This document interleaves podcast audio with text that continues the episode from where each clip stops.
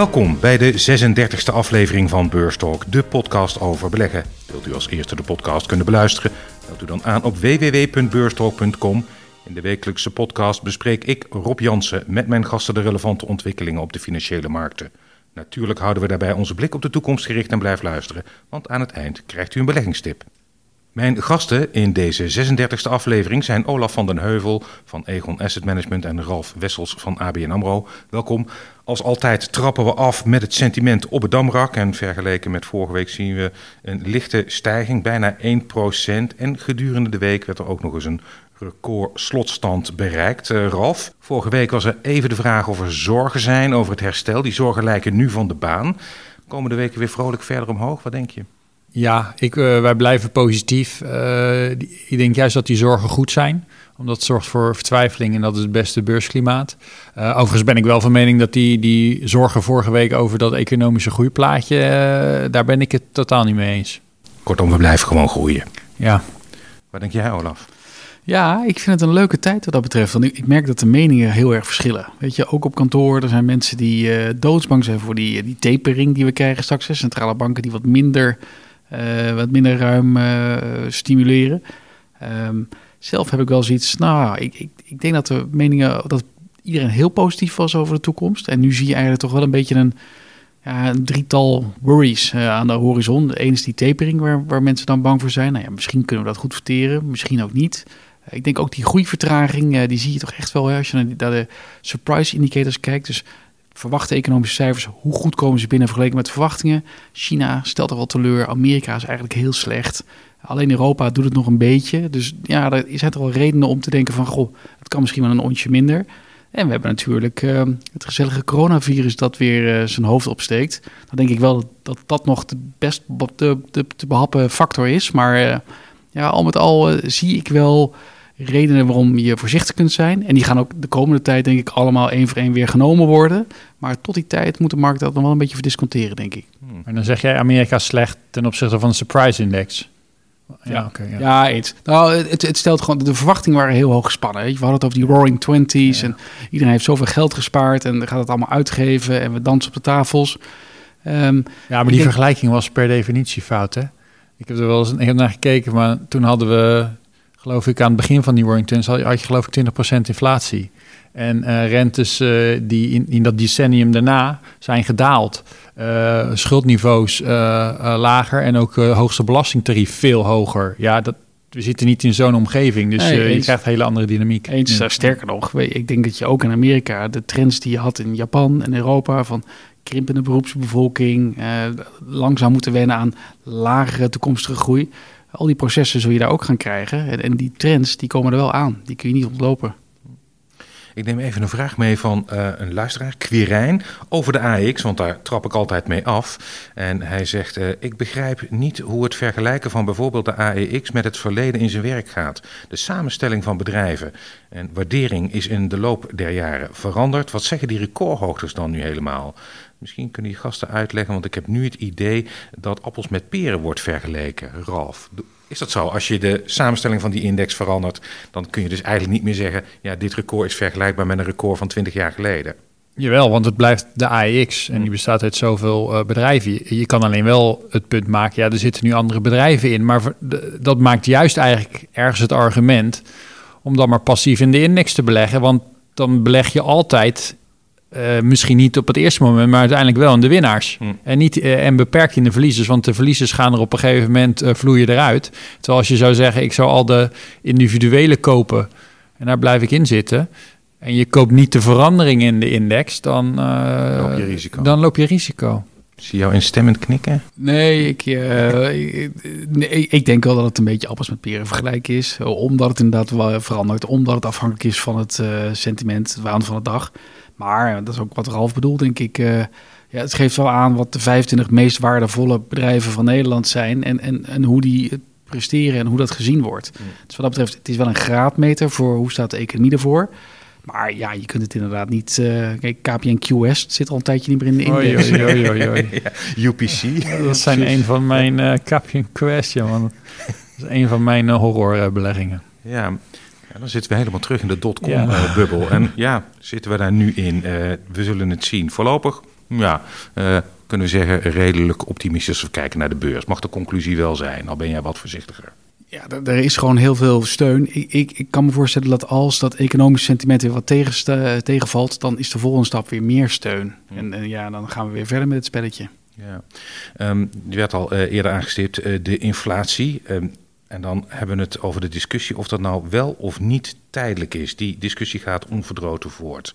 Jerome Powell, de president van de Fed, Amerikaanse centrale bank, die had zijn jaarlijkse, halfjaarlijkse verantwoording voor het Huis van Afgevaardigden. Hij houdt het eh, op een tijdelijke stijging, terwijl de inflatie inmiddels op 5,4% staat. Ralf, hoog, maar tijdelijk of hoog, maar er zit misschien wel een blijvend effect in. Wat denk je? Nee, wij denken dat het tijdelijk is. Maar het was natuurlijk wel weer grappig dat Jellen uh, gisteren aangaf uh, dat het misschien toch weer wat langer tijdelijk zou zijn. Ehm, het is meer dan basiseffecten. Een basiseffect is als je het vergelijkt met vorig jaar. Dus er zit wel iets in wat gewoon prijsopdrijvend is. Maar als je bijvoorbeeld de autoverkoper eruit haalt, tweedehands autoverkoper, dan zit je op 2,4 procent. Dus dat is, als je nu kijkt, autoverkopen, vliegtuigtickets, en volgens mij was er nog een, zo'n, sector die natuurlijk zwaar geleden heeft uh, onder, onder corona. Uh, die zorgen nu voor de prijs, uh, prijsstijgingen. maar het kan toch ook wel. Um, nou, eerst waren wij van mening van oké, okay, um, misschien is deze maand of vorige maand al de piek. Nu zeggen wij ook al van nou, het kan misschien ook nog één of twee maanden langer zijn. Dus je merkt natuurlijk wel dat dat een beetje het spel is, dat het, de tijdelijke toch misschien net iets langer wordt. Maar als je kijkt gewoon naar lange termijn dynamiek ook in de arbeidsmarkt en al dat soort zaken, dan, ja, dan ziet het er niet naar uit vooralsnog dat dat uh, heel lang heel hoog blijft. Olaf, wat denk jij? Tijdelijk of blijvend? Tijdelijk ook. Ja, nee, ik denk dat Ralf uh, gelijk heeft daarin. Maar als je nou kijkt naar um, uh, de arbeidsmarkt, hè, er is nog steeds sluit er bijvoorbeeld in Amerika niet echt de vraag aan uh, op het aanbod. Hè. Stel nou dat lonen gaan stijgen, of is die kans gewoon uh, nou, vrijwel niet heel? Ja, maar dat is dus precies wat je zegt. Als ze gaan stijgen. Maar ja, dat is de vraag. Nee, maar als je kijkt naar de arbeidsmarkt nu. Ja, hè. maar dat, dat zien we nog niet in die mate dat je zegt: oké. Okay, uh, dat is iets om zorg te maken. En daar zit natuurlijk iedereen naar te kijken. En dat is hetzelfde, het rente of het uh, huurcomponent uh, is een belangrijk component in de, in de inflatiemandje. Ja, dat zien we ook nog niet in die mate toenemen. Dus dat is, daarom laten eigenlijk de onderli ondanks dat het, het hoofdcijfer zeg maar hoog is en tegenvalt en ook op maandbasis eigenlijk weer een versnelling laat zien, laten we als we onderliggende cijfers analyseren, laat het nog steeds gewoon zien dat het eigenlijk tijdelijke factoren zijn en waarschijnlijk niet uh, dat het langer een probleem is.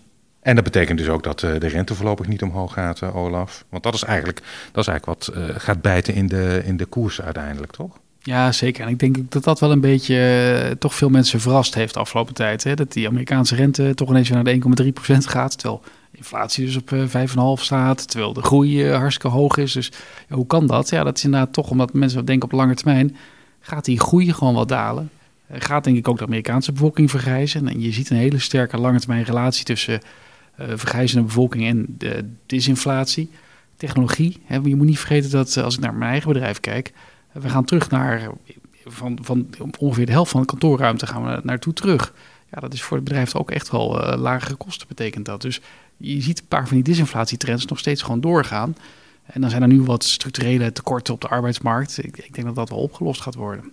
Nou, als ik, dat is wel grappig, want jij noemt dan enkele structurele die in het voordeel spreken. Ik, lees het, vroeger zeiden we altijd vergrijzing is uh, niet goed voor inflatie of deflatoire.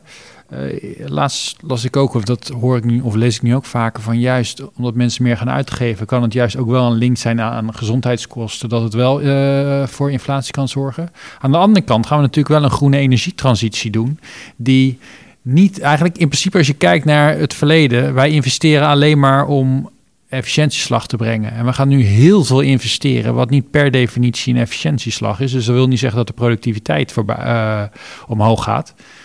Dus dat zijn, dat, voor mij zijn dat dan wel dingen dat ik zeg van nou, dat, dat vind ik wel een dingetje wat op termijn inflatie. Uh, Kijk, wat lachend aan, omdat wij hier denk ik een week of twee geleden over in een discussie belanden. In een heel ander gremium volgens mij. um, ja, ik, ik denk dus dat ook die hele, maar daar moeten we misschien dadelijk uitgebreider over hebben, maar die hele inhaalslag hè, van, van klimaat, of van groene investeringen, ik denk dat het eigenlijk betekent dat het disinflator is. Maar omdat je allerlei externe kosten die je nu niet meeneemt, Ja, nee, eigenlijk klopt. mee gaat nemen in je proces eh, en daardoor zichtbaar maakt, maar ook dus je kapitaalallocatie daarop aan gaat passen. Ehm, en daarmee eigenlijk betere investeringen doet die minder rommel, waste, kosten creëren die je toch zou moeten opruimen.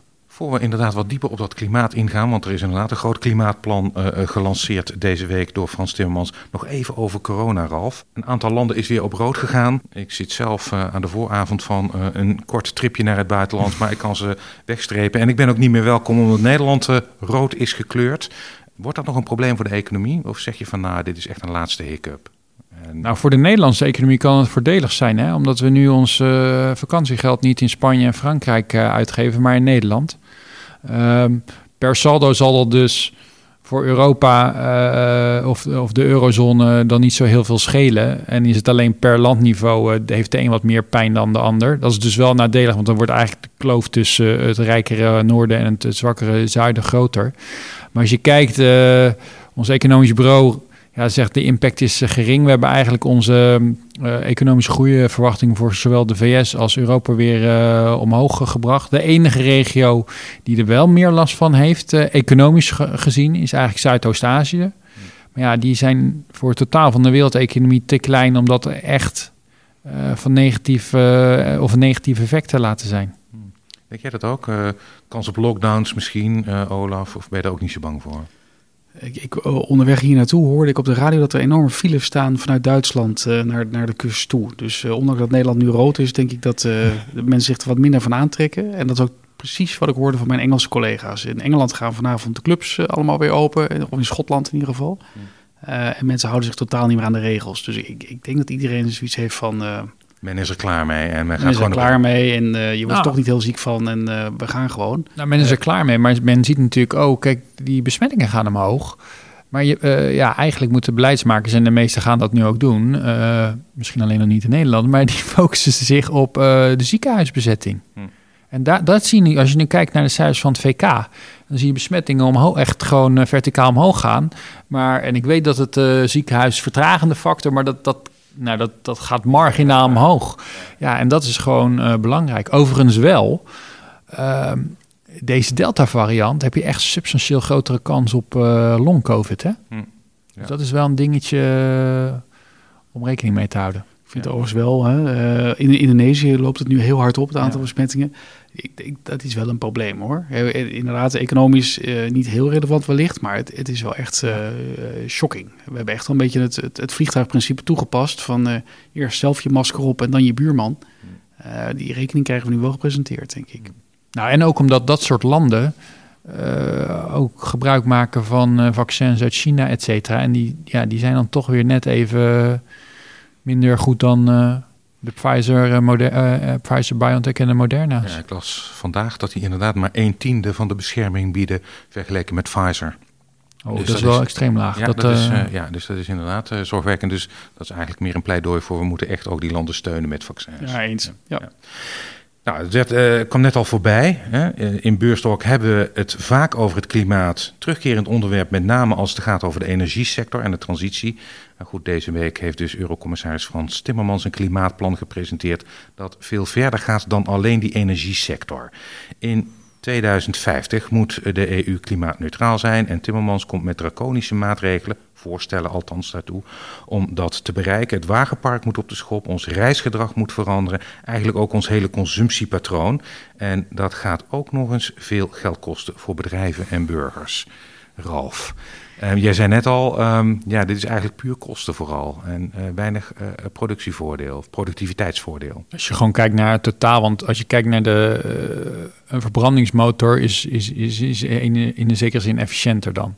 Ehm, maar ja, dit is noodzakelijk, want dat is natuurlijk wat Olaf zei. In de huidige prijzen geeft niet de totale prijs weer van wat het werkelijk kost. Als je, het zijn economische prijzen en niet eh, prijzen die kijken gewoon wat de impact is op de samenleving. eh, en, en daar zit dus dan milieu in.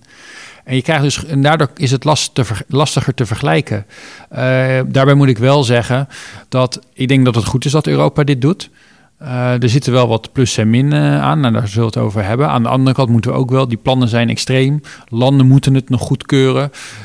Dus ga er wel vanuit dat het... is niet vandaag of morgen geregeld. Nee, maar dat het natuurlijk ook iets wordt afgezwakt. Ja. Vind jij het een goed plan? Het is heel uh, ingrijpend als het er allemaal door zou komen, uh, Olaf. Ik denk dat uh, ergens, als je dan toch grote investeringen wil gaan doen, dat nu een goede tijd is. er is ongelooflijk veel spaargeld en, en, we, op een of andere manier weigeren we als samenleving, als huishoudens, maar te ontsparen. Dus als je het dan toch wil doen, is, is nu een goed moment. Um, ik denk ook dat we wel een productiviteitssteuntje nodig hebben hier in Europa. Dus wat dat betreft zou het ook zeker wel kunnen helpen. Um, ik ben natuurlijk toch ook een beetje, ja, hoe noem je dat, uh, huismeester in die zin. Dus ik kijk dan van hoe gaan we dat financieren? Uh, gaan we dat financieren door het allemaal te lenen? Of gaan we dat financieren door de belastingen te heffen? als je het wil gaan lenen, dan wil je heel graag dat de rente laag blijft. Dat heeft een beetje een pervers effect op vermogensongelijkheid. Als je uit de belasting gaat halen, dan denk ik dat het wellicht heel moeilijk wordt om te gaan implementeren. Dus ik, ik denk, er zitten wel een paar hele rare haken aan ogen aan, aan, aan zo'n groot plan, denk ik. Daar moeten we heel goed naar kijken. Ja, als je puur naar de bedrijven kijkt, dan is het natuurlijk, die krijgen forse belasting, noem het een premie. Nou, dan willen ze dat met de invoerheffingen, willen ze het uh, gelijk trekken voor de concurrentie van van de landen die erbuiten. Maar ja, als je natuurlijk een exporterend bedrijf bent en je produceert in Europa, ja, dan, heb je natuurlijk, dan concurreer je wel buiten Europa op, uh, op verkeerde voet. Uh, aan de andere kant, wat natuurlijk ook kan, en dat daar zie je dat Europa wel in voorloopt. Uh, als je kijkt naar de grote economische blokken, kijk, militair stellen we niks voor, uh, maar op regeltjes zijn we koning. dat natuurlijk wel Europa ook gewoon partijen die willen, onze markt willen betreden in het buitenland, gaat opleggen om aan, aan de duurzaamheidsregels op een gegeven moment te voldoen. Dus het kan wel zo zijn dat Europa daarmee gewoon een heel groot deel van de wereld ook dwingt diezelfde kant op te gaan. Maar goed, dat is, dat is nu nog te onduidelijk om dat al zo zwart-wit te zeggen. Maar dat zijn wel natuurlijk denkrichtingen waar je aan moet denken. Ja, want anders wordt het inderdaad, uh, is het eigenlijk alleen maar één groot concurrentienadeel voor Europa, Olaf. Als anderen niet meegaan. Nou, ik, ik, daarom wil ik het eigenlijk wel graag positief zien. Dus het moet wel een productiviteitsvoordeel op, uh, opleveren. Um, en dat is niet altijd makkelijk te zien. Hè? Want we hebben natuurlijk ook allerlei andere pandemieplannen gezien... waarbij we hoge snelheidslijnen ergens in het platteland van Italië gaan aanleggen ja, je kunt je afvragen of dat, dat nou zo'n goed, uh, goed idee is. Hm. Uh, maar goed, uh, ik, ik, ik, denk dat het productiviteitsvoordeel voor Europa, daar moeten we wel naar streven. Er moet geïnvesteerd worden. Ik weet niet. Ja, de productiviteitsvoordeel moeten we dan misschien meer zien dat. En daarom vind ik het lastig als je ook gewoon dan berichten in de krant leest. Ja, het wordt allemaal duurder. Ja, maar allereerst heeft de wereld zich gecommitteerd dat we iets aan het klimaat moeten doen. Want, uh, nou ja, uh, droogte, overstromingen en zo, je krijgt heftiger weer. Uh, en dat heeft impact op gewoon hoe we leven. Dus ja, als je het niet doet met z'n allen, dan krijg je andere problemen waar je ook voor moet gaan betalen. Dus dat, dus dat moet je wel in je achterhoofd natuurlijk meenemen. Er is al aangegeven, het zal waarschijnlijk heel lang duren, maar stel, het komt er. Binnen een paar jaar is dit helemaal in de stijgers. Dat is misschien wel heel snel gerekend. Wat zou dat dan betekenen voor beleggers? Wat moeten die dan gaan doen? Uh, heeft dat nog gevolgen voor beleggers, Olaf? Wat denk je? Ja, dat heeft gigantische uh, gevolgen, denk ik. Je zag het uh, vorig jaar al heel sterk. Hè? het waren met name groeigerelateerde, duurzame georiënteerde bedrijven die het heel goed deden. en die drie, vier keer zo duur zijn inmiddels dan, dan zeg maar de oude industrie. Ja, die trend die wordt extreem versterkt, denk ik. Dus ja, dat, dat gaat enorme gevolgen krijgen. Met name voor aandelenbeleggers dan. Ik denk voor de rente blijft heel laag in zo'n omgeving. Wat je, wat je ziet is dat. Uh, dus we hebben heel vaak een discussie over uh, waardeaandelen versus groeiaandelen. En er werd natuurlijk gezegd dat uh, als je duurzaam uh, belegt, dat dat voornamelijk groei is, omdat de tech daarin zit. Maar dat, dat is niet helemaal juist. Het is vooral kwaliteit. als je kijkt naar stijl, is vooral de quality stijl, kwaliteitsstijl die het onwijs goed doet. En zeg maar bedrijven die vaak hoog scoren op duurzaamheid. Houdt vaak in dat ze gewoon hun zaakjes op orde hebben geregeld. Dus die, die scoren ook goed op, op kwaliteit.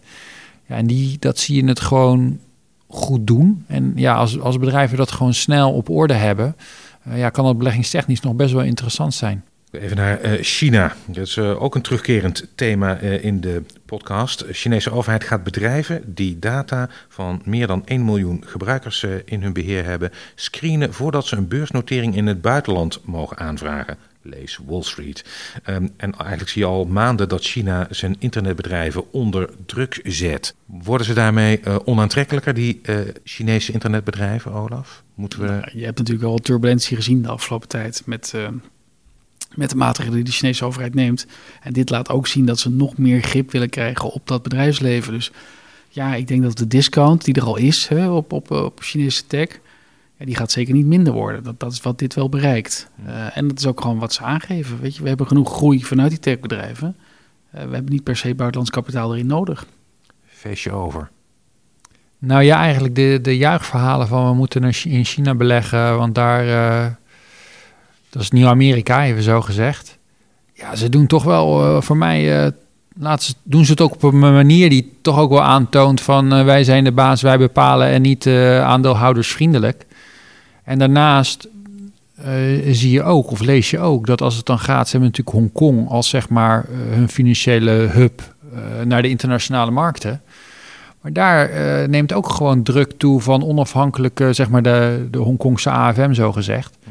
Dat die vanuit de rechtsoptiek ook steeds minder onafhankelijk wordt.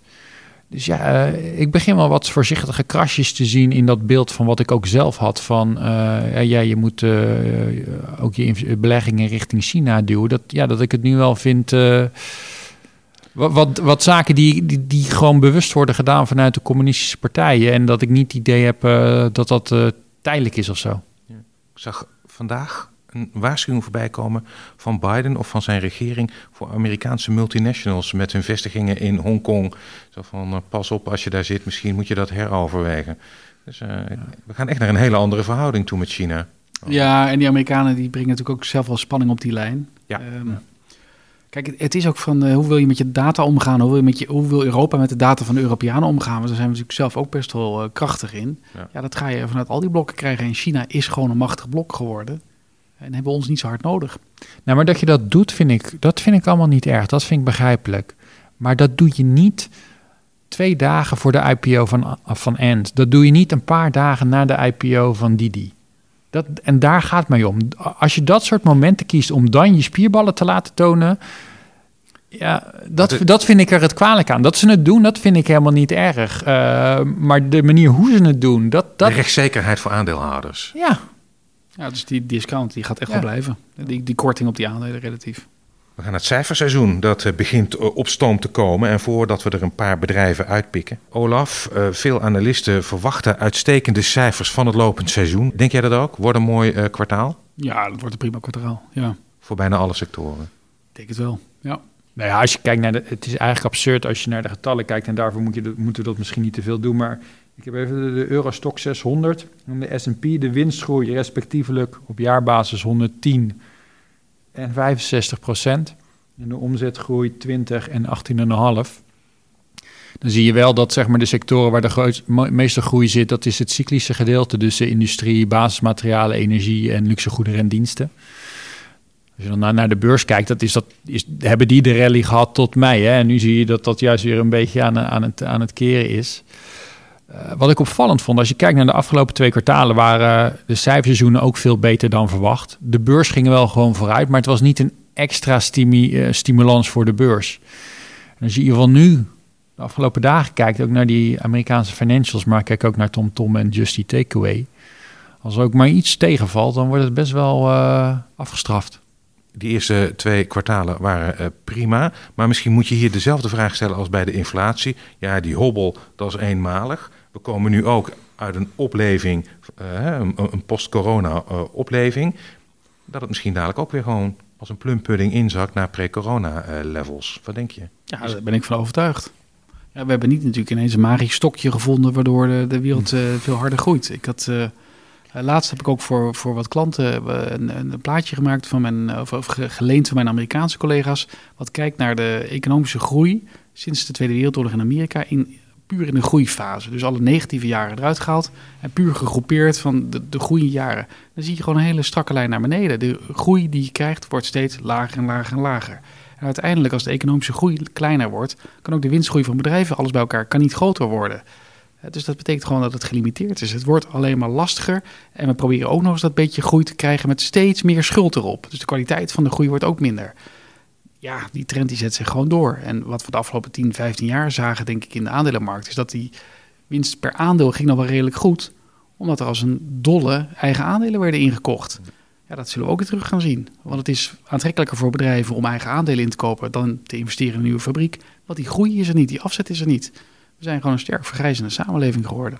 Ja, nou, wat, wat betreft die winsten wel, de, in het eerste kwartaal uh, waren de winstmarges echt uh, op recordniveau. Hè? Of in ieder geval van de laatste twintig jaar of zo. Uh, dus dat wordt steeds moeilijker te verslaan. dus daar, daar ga ik wel in mee. Maar ja, aan de andere kant, wat, je, wat ik wel, als, ik, als je nu kijkt sinds corona, hè, hebben we ons, en dat zie je natuurlijk vooral aan de pro, productenkant, aan de, aan de producenten, we hebben al ons geld uitgegeven aan, aan producten. En nu ga je wel die switch zien dat we ons geld gaan uitgeven in die dienstverlening. Het noemde vakanties en al dat soort zaken. En dan hebben we toch nog best wel veel geld aan de zijlijn uh, staan hoor. Wat we, wat we nog echt wel in gaan zetten. Omdat we ook gewoon blij zijn. Uh, nou, dat zie je toen het hier even open ging. Dat iedereen massaal naar een festival wil en uit.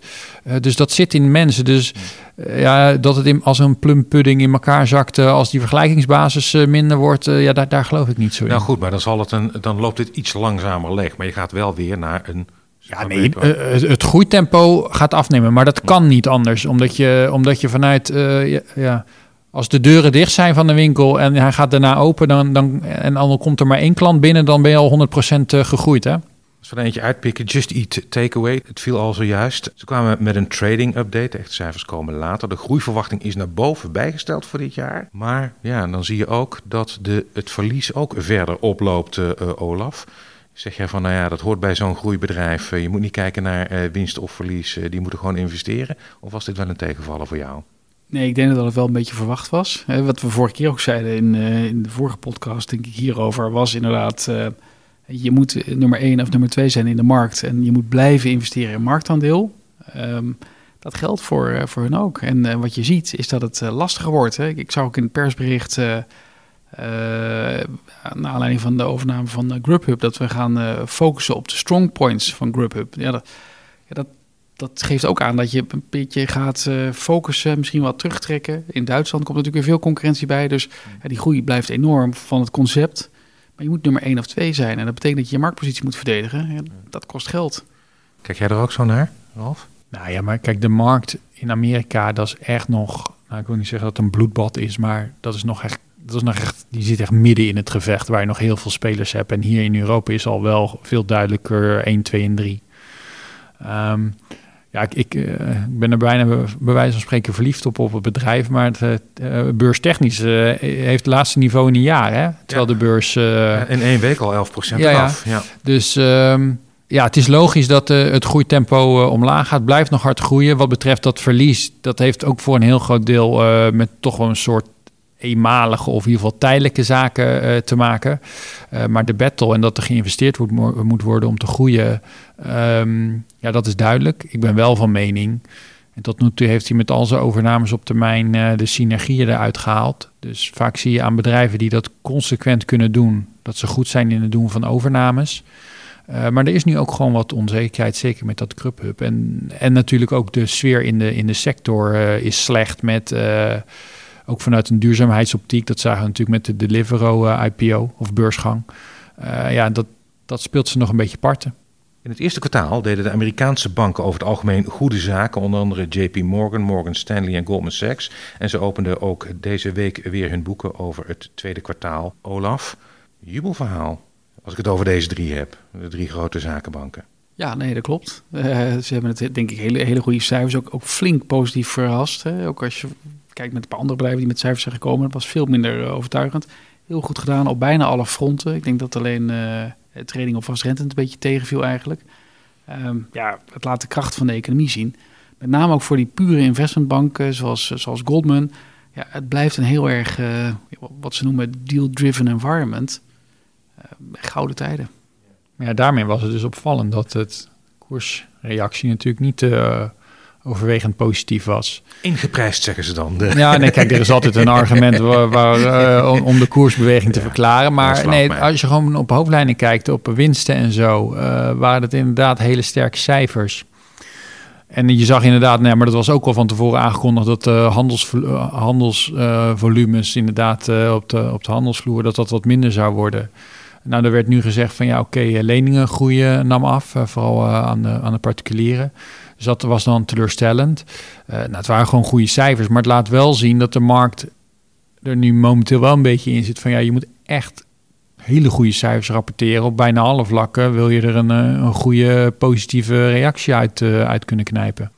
Ja, en wat ik dan ook nog wel als positief zie, is dat met name die meer op consumenten gerichte banken, uh, Wells Fargo en in ieder geval ook Bank of America, dat zeg maar de portefeuille voor slechte leningen, uh, stroppenpot, uh, dat die ook flink is afgenomen. Daar zit ook een deel van de winstgroei in. Uh, ja, ja, zeker voor dat soort banken. En net zoals voor de, voor de Europese banken eigenlijk. Hè. Dat, dat gaan we dat daar ook zien. Ja, ja maar de econ economie draait natuurlijk goed. Het herstelt sterk. Het aantal faillissementen wordt ook, blijft laag relatief. Dat, dat, is allemaal heel sterk. Het enige wat wel opliep zijn het aantal creditcardleningen. Maar dat is ook een teken dat de economie weer aanslaat, zeker in Amerika. Ja. Maar ja, daar hebben ze natuurlijk vorig jaar ook heel veel voorzieningen voor genomen, hè, voor die slechte leningen. En als het dan meevalt, dan eh, ja, krijg je die zeg maar twee keer eh, uitbetaald. Als je eh, even buiten de financiële sector was een van de grotere consumentenconcerns, PepsiCo, de grote concurrent van Coca-Cola, um, die kwam ook met cijfers. Verpletterende cijfers zou ik zeggen. Dat wil zeggen autonome groei 18% Ik zie Europese bedrijven dat niet zo gauw doen. Het was ook vooral heel goed in, in Amerika. Ik, uh, als je ook naar de lange termijn kijkt, zo'n PepsiCo, de afgelopen 5, 6, 7 jaar, het is heel gestaag. Weet je, 7, 8 procent groei structureel. Dus het is een best duur bedrijf, hè, met een koerswinstverhouding van 25 of zo. Maar ze leveren dat ook gewoon steeds. Steady, stabiel. Ja, een dividendrendement van 2,7 of zo ook nog. Dus het is ja, waarom zou je in godsnaam een Amerikaanse staatsobligatie kopen als je zoiets kunt kopen? Het, is, het, doet me denken aan, uh, voor, ik ben een, een, korte periode analist geweest Amerikaanse aandelen. Het had je dat Colgate Palmolive. Dat was ook zo'n prachtig concern, ook zo steady, zo goed gemanaged. Ja, het is echt wel, echt wel indrukwekkend managementteam. Uh. Dat soort... Uh, Warren Buffett wordt vaak gezien als een waardebelegger. Ik ben van mening dat hij een groeibelegger is. Maar hij hij is dan de fan van Coca-Cola, maar ja, voor Pepsi geldt dan hetzelfde. Je moet inderdaad van die bedrijven hebben die gewoon elk jaar gewoon een beetje groei, maar gewoon wel mooi. Je hebt op een uh, verjaardag nooit een spannend verhaal te vertellen, maar je portefeuille uh, groeit gewoon heel gestaag, mooi dividend, rendement en uh, dan is het ja. rendement op rendement op rendement. Deze week ook weer een aantal luisteraarsvragen gehad. We hebben er een van Quinten al besproken. Er is ook een vraag binnen van Peter gaat over het eh, klimaat waar we het net ook al over hadden. We ondervinden allemaal de gevolgen van global warming en klimaatverandering. Oké, de laatste weken wel wat minder. Um, airco's zijn uh, dit jaar niet aan te slepen. Wereldwijd wordt er een verdrievoudiging van het aantal airconditioners uh, verwacht in 2050. Kennen jouw gasten een ETF voor klimaatbeheersing, Olaf? Ik, ik, ik eerlijk gezegd niet. Misschien Ralf wel, maar er zijn heel veel hele mooie fondsen die daar denk ik wel op inspelen. En nou ja, ken wel een paar van die bedrijven die dat aanbieden. nee, je moet... En het begint met een A. Ja. Ik weet niet of die precies uh, klimaatbeheersing als in uh, airco's uh, bedoelt. dan moet je eigenlijk gewoon bomen, bomen planten. Hè? Want een boom is gelijk aan, of een grote boom in de stad is hetzelfde als tien airco's. Maar dat, even, dat is geen, geen goede belegging dan. Uiteindelijk, als je zeg maar op de duurzaamheid of de klimaatverandering wil inspelen, dan moet je natuurlijk iets specifieker gewoon in een ja, waar je een transitie ziet in een sector of iets dergelijks, uh, dat je daar de verandering in ziet. En daar ga je dan in beleggen. Nou, ik koppel dit dan maar even aan energieverbruik. En daar zien we natuurlijk ook een uh, enorme verandering, of het nu elektrisch is of straks op waterstof. Ja, ik, ik heb er drie, dus ik kan ze even noemen. Beetje saai, maar hier komt hij. Nou, de eerste, niet verbazingwekkend. ABN AMRO Pictet Global Environment Equities. Dan heb je ook eh, Robeco Sam Smart Energy Equities en iShares Global Clean Energy ETF. Ja, dus er is best wel wat eh, te koop op het gebied van. maar ja, dan, ga, dan zit je vanuit de duurzaamheid echt in de, de transitie naar andere energievormen. helder. Um, een andere vraag is, uh, gaat over flow traders. Flow traders profiteert van onrust eh, veel transacties op de beurzen zijn er dan. Wanneer is onbekend, maar ergens de komende jaren gaat er opnieuw onrust komen of een neerwaartse trend. Uh, die gaat ontstaan. Dat is volgens vragensteller Maarten evident. En dan is de vraag: zien jouw gasten flow traders uh, als een aantrekkelijk defensief aandeel voor dit scenario als de koersen gaan corrigeren? Olaf. het is evident dat er een keer, uh, ben ik met de vraagsteller eens, dat, dat er weer elke zeven jaar kun je klok erop gelijk zetten, min of meer, dan krijg je alweer een grote crash. Um, flow traders doet het goed als inderdaad die markt dan hard naar beneden gaat. Um, voor zo'n put-optie, want het kan inderdaad, kun je het zien als put-optie, kijk ik dan altijd naar van wat kost het om het aan te houden. Um, en dan zie je dat flow traders best wel een dure put-optie is. Uh, het is niet, uh, ik denk dat ze relatief heel veel geld uitbetalen aan hun werknemers en niet aan de aandeelhouder, uh, waardoor het eigenlijk een impliciete kost heeft die het relatief duur maakt. Er zijn andere put-opties die dat misschien ook kunnen vervullen. Maar goed, in een dip doet het het redelijk goed. Wat denk jij, Ralf? Nou, ik vind het mooi, mooi gezegd. Ook, maar ook vanuit de gedachte, ik vraag me af, want met flow traders is het een beetje, als ze zo'n knaljaar hebben, dan keren ze verhoogd dividend uit en zo. Maar dan even in de, in de anomalie van, uh, van Olaf, de overige zes jaar is het doodgeld, bij wijze van spreken. Ja, al alleen maar het feit dat je dan in die, in die zes jaar gewoon ergens anders je geld in belegt. Ja, en dan neem je die klap op in het zevende jaar maar mee. Uh, ik weet niet of je uiteindelijk bij de een beter uit bent dan dan. Of laat ik het zo zeggen, ik neig om dan eerst maar niet die poet te nemen. Maar in principe is de stelling klopt wel dat uh, zij profiteren als het uh, op de aandelenmarkt slecht gaat. Ja, plus de timing. Hè. Vaak als het gebeurt ben je al te laat, toch Olaf, of niet? Ja, maar dat is, dat is een van die mooie lessen. Hè. Je moet bescherming altijd kopen als het goedkoop is. Ja. En dan doet niemand het, want dan denken we allemaal dat de boom tot in helemaal groeien. Misschien is nu al zo'n moment. En dan moet je het kopen. Overigens zijn nu de poets relatief duur. Hè. De, de, de implied vol curve van ja. de poetopties zijn, loopt vrij steil omhoog. Maar ja, je moet beschermen kopen als het goedkoop is. Dat klopt.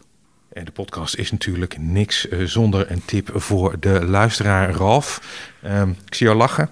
Ja. Want? Nou, ik heb weer eens een wat andere naam uh, ja, gevonden. Kijk eens. Uh, Vonovia, het Duitse vastgoed. Ja. Uh, is eigenlijk vol op overnamepad. Net Deutsche Wonen overgenomen. Is de grootste woningvastgoedbedrijf in Europa. Ehm, nou, daarnaast zijn, hebben ze ook net een overname in Oostenrijk gedaan. Ze kijken ook naar de Zweedse en de Nederlandse markt. Nou, zeker met de verandering misschien ook in het thuiswerken... dat de woningmarkt, nou, dat heeft niet eens alleen met thuiswerken te maken... maar we zien gewoon wereldwijd dat de woningmarkt het goed doet. Dus ze, hebben, ze zijn op overnamepad, worden steeds groter. Interessant dividend. Vanuit ABN AMRO ook altijd belangrijk. Het scoort hoog op, op duurzaamheid. Dus dat vinden wij een mooie naam. Oké, wat is jouw tip voor de luisteraar, Olaf? Ik, ik wilde het eigenlijk houden bij de tips die ik de afgelopen podcast gegeven heb. Uh, ik was er wel tevreden mee toen ik ze even terugzocht. Ja. Dus uh, ik houd dan bij Holland Collars en, uh, en SAP. Dat vind ik allebei prima bedrijven die ook gewoon netjes doorlopen. SAP natuurlijk relatief goedkoop vergeleken met de concurrenten. is wat laat geweest in de, de, beweging naar cloud. Maar daardoor is het ook relatief aantrekkelijk, denk ik. Hm. En groeit nog wel even door. En de Holland Collars is gewoon een uh, prachtige opgaande lijn uh, de afgelopen zeven jaar sinds, sinds ik dat aandeel heb. Oké, okay, Holland Collars, SAP en ja. Vo hoe spreek je het uit? Vonovia. Vonovia, dat is Dat wordt wel meteen spannend, want de SAP komt volgende week met cijfers. Dus, Interessant. Hartelijk dank Ralf Wessels van ABN AMRO en Olaf van den Heuvel van Egon Asset Management. Dit was de 36e aflevering van Beurstalk. Dank voor het luisteren. Als u wilt reageren of een beleggersvraag heeft voor mijn gasten... Mail dan naar rob.beurstalk.com en graag tot volgende week. Deze podcast verwoorden inzichten van mijn gasten, niet die van presentator Rob Jansen. Het is geen beleggingsadvies. Verdiep u in de risico's van beleggen voordat u eraan begint. De waarde van uw beleggingen kan fluctueren. In het verleden behaalde resultaten bieden geen garantie voor de toekomst.